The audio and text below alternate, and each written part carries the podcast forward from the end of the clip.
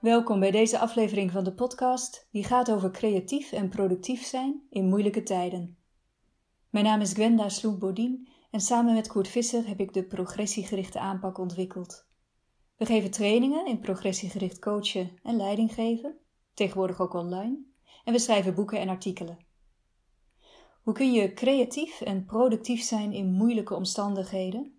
Omstandigheden zoals we die nu allemaal ervaren? In deze podcast reik ik 10 invalshoeken aan en ik hoop dat er een invalshoek tussen zit die aanknopingspunten voor je biedt. De eerste is: werk met kleine progressiedoelen. Een progressiedoel is niet hetzelfde als een to-do-lijstje.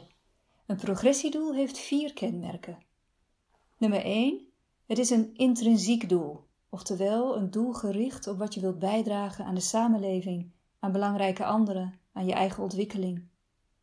2. Het is een zelfconcordant doel, oftewel, het is iets wat helemaal in lijn ligt met wat je belangrijk, interessant en waardevol vindt.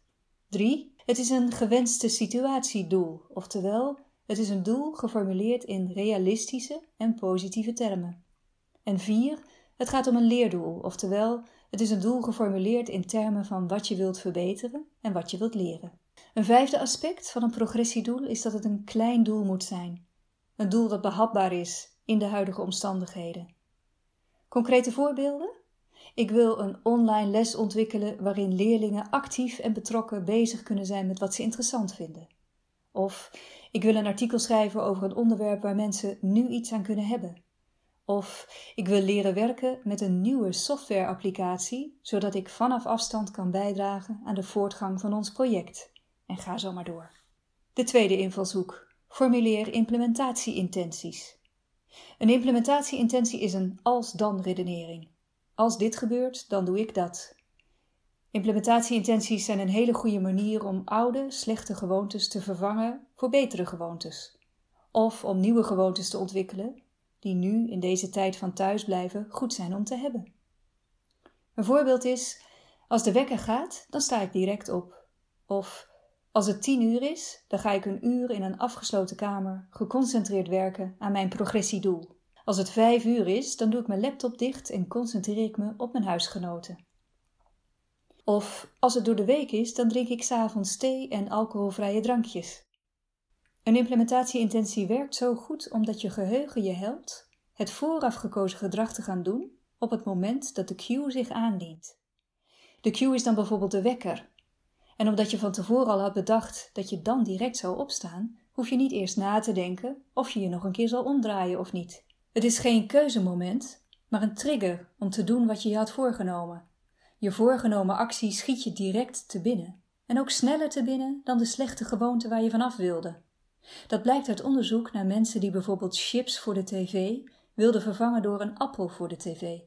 Het concept van de appel kwam na de implementatieintentie als ik voor de tv zit, dan eet ik een appel, sneller in ze op dan het concept van de chips. De derde invalshoek. Hou een progressiedagboekje bij. Schrijf elke dag voordat je je werk afsluit of voordat je gaat slapen even op welke kleine progressie je die dag hebt bereikt in iets wat je belangrijk, waardevol of interessant vond.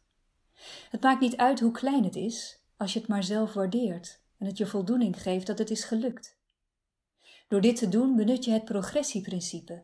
En dat is het inzicht dat een klein beetje vooruitkomen in betekenisvol werk een sterke invloed heeft op een positieve innerlijke werkbeleving. Dus positieve gedachten, positieve gevoelens en positieve motivatie voor je werk. Sta je niet bewust stil bij je progressie, dan gaat je aandacht waarschijnlijk vooral uit naar de coronacrisis. Of dat je internetverbinding het niet deed tijdens die belangrijke videocall. Of dat je struikelde over de zooi van je huisgenoten. Als je de discipline opbreekt om elke dag even op te schrijven welke kleine of misschien wel grote progressie je hebt geboekt die dag, dan word je je daar bewust van en ga je de progressie zien. En zo loop je het motiverende effect van progressie niet mis. De vierde invalshoek. Haal jezelf uit de wachtkamer. Wellicht ben je bewust of onbewust aan het aftellen tot het leven weer normaal wordt en slaak je elke dag stiekem even een zucht van verlichting dat er weer een dag voorbij is en je weer een dag dichter bij die normale wereld bent gekomen. Hoe logisch en begrijpelijk dergelijke gevoelens en gedachten ook zijn, Je plaatst jezelf er ook mee in een soort van wachtkamer. Je staat op pauze. En dat is jammer, want vandaag komt niet meer terug. Een dag in de wachtkamer is een dag niet geleefd. Dus merk je dat je vasthoudt aan hoe alles beter is wanneer je fysiek naar je werk kunt gaan en je kinderen naar school kunnen gaan en je leven kunt leven zoals je dat deed voor de maatregelen. Probeer je eigen aanknop voor het nu dan eens te vinden. Wat kun je nu, op dit moment en op deze dag doen dat betekenisvol voor je is?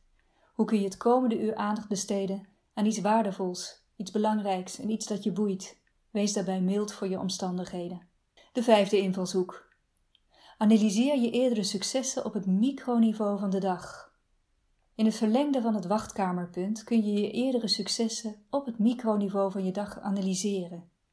Op welke momenten vandaag lukte het mij om productief en creatief bezig te zijn met wat ik waardevol, belangrijk en interessant vond? En hoe lukte me dat? En welke omstandigheden faciliteerden dat moment? En is daar iets van bruikbaar voor me, voor morgen? Zo ja, wat is er bruikbaar? En hoe kan ik dat morgen opnieuw laten gebeuren? De zesde invalshoek. Vervul je behoefte aan verbondenheid. Fysieke afstand is niet hetzelfde als sociale afstand. Een van de menselijke psychologische basisbehoeften is de behoefte aan verbondenheid.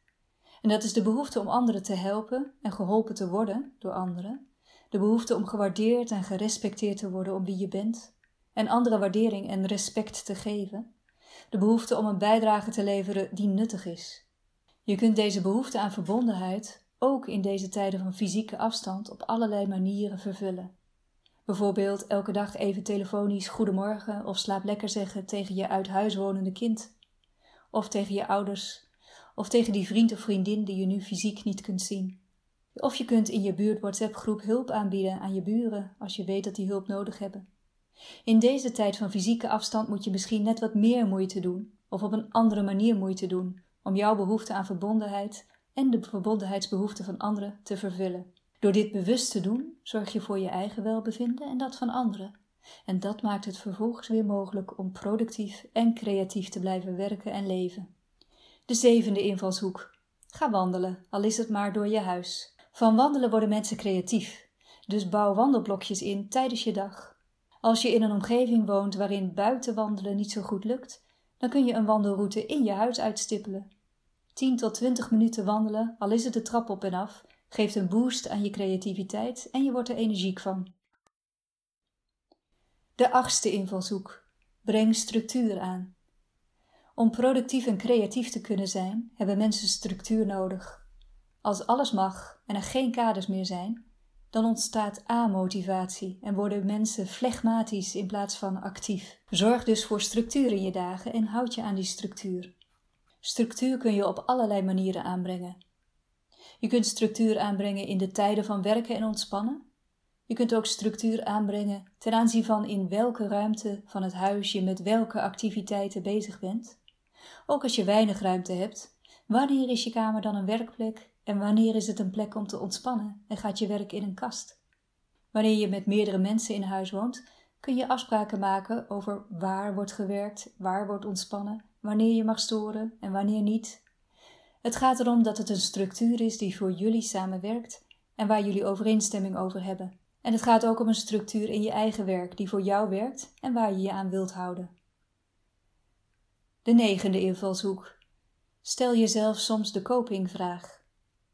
Als het je soms allemaal even te veel wordt, stel jezelf dan eens de copingvraag.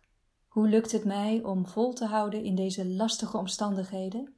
Hoe lukt het mij om door de dalen van de dag heen toch weer bezig te gaan? En als je een antwoord hebt gevonden op die vragen, dan kun je kijken en analyseren wat voor jou werkt en wat je misschien morgen opnieuw kunt inzetten als het nodig is. De tiende en laatste invalshoek is: voer progressiegesprekjes aan de eetkamertafel s'avonds. Ieder vertelt dan even over welke kleine progressie hij die dag heeft gemaakt, of wat hem die dag voldoening heeft gegeven, of wat er die dag wel goed is gelopen, of wat hij leuk heeft gevonden die dag, wat hem energie gaf, wat hij heeft geleerd. En als iedereen even mag vertellen en er aandacht is voor ieders kleine progressie, dan krijgt het gesprek en de sfeer een positieve impuls, waardoor verbondenheid groeit en creativiteit en productiviteit de ruimte krijgen. Meer lezen kan bijvoorbeeld in het boek Progressie door zelfcoaching en meer leren kan in een van onze trainingen, online of face-to-face. Kijk maar op www.cpw.nu.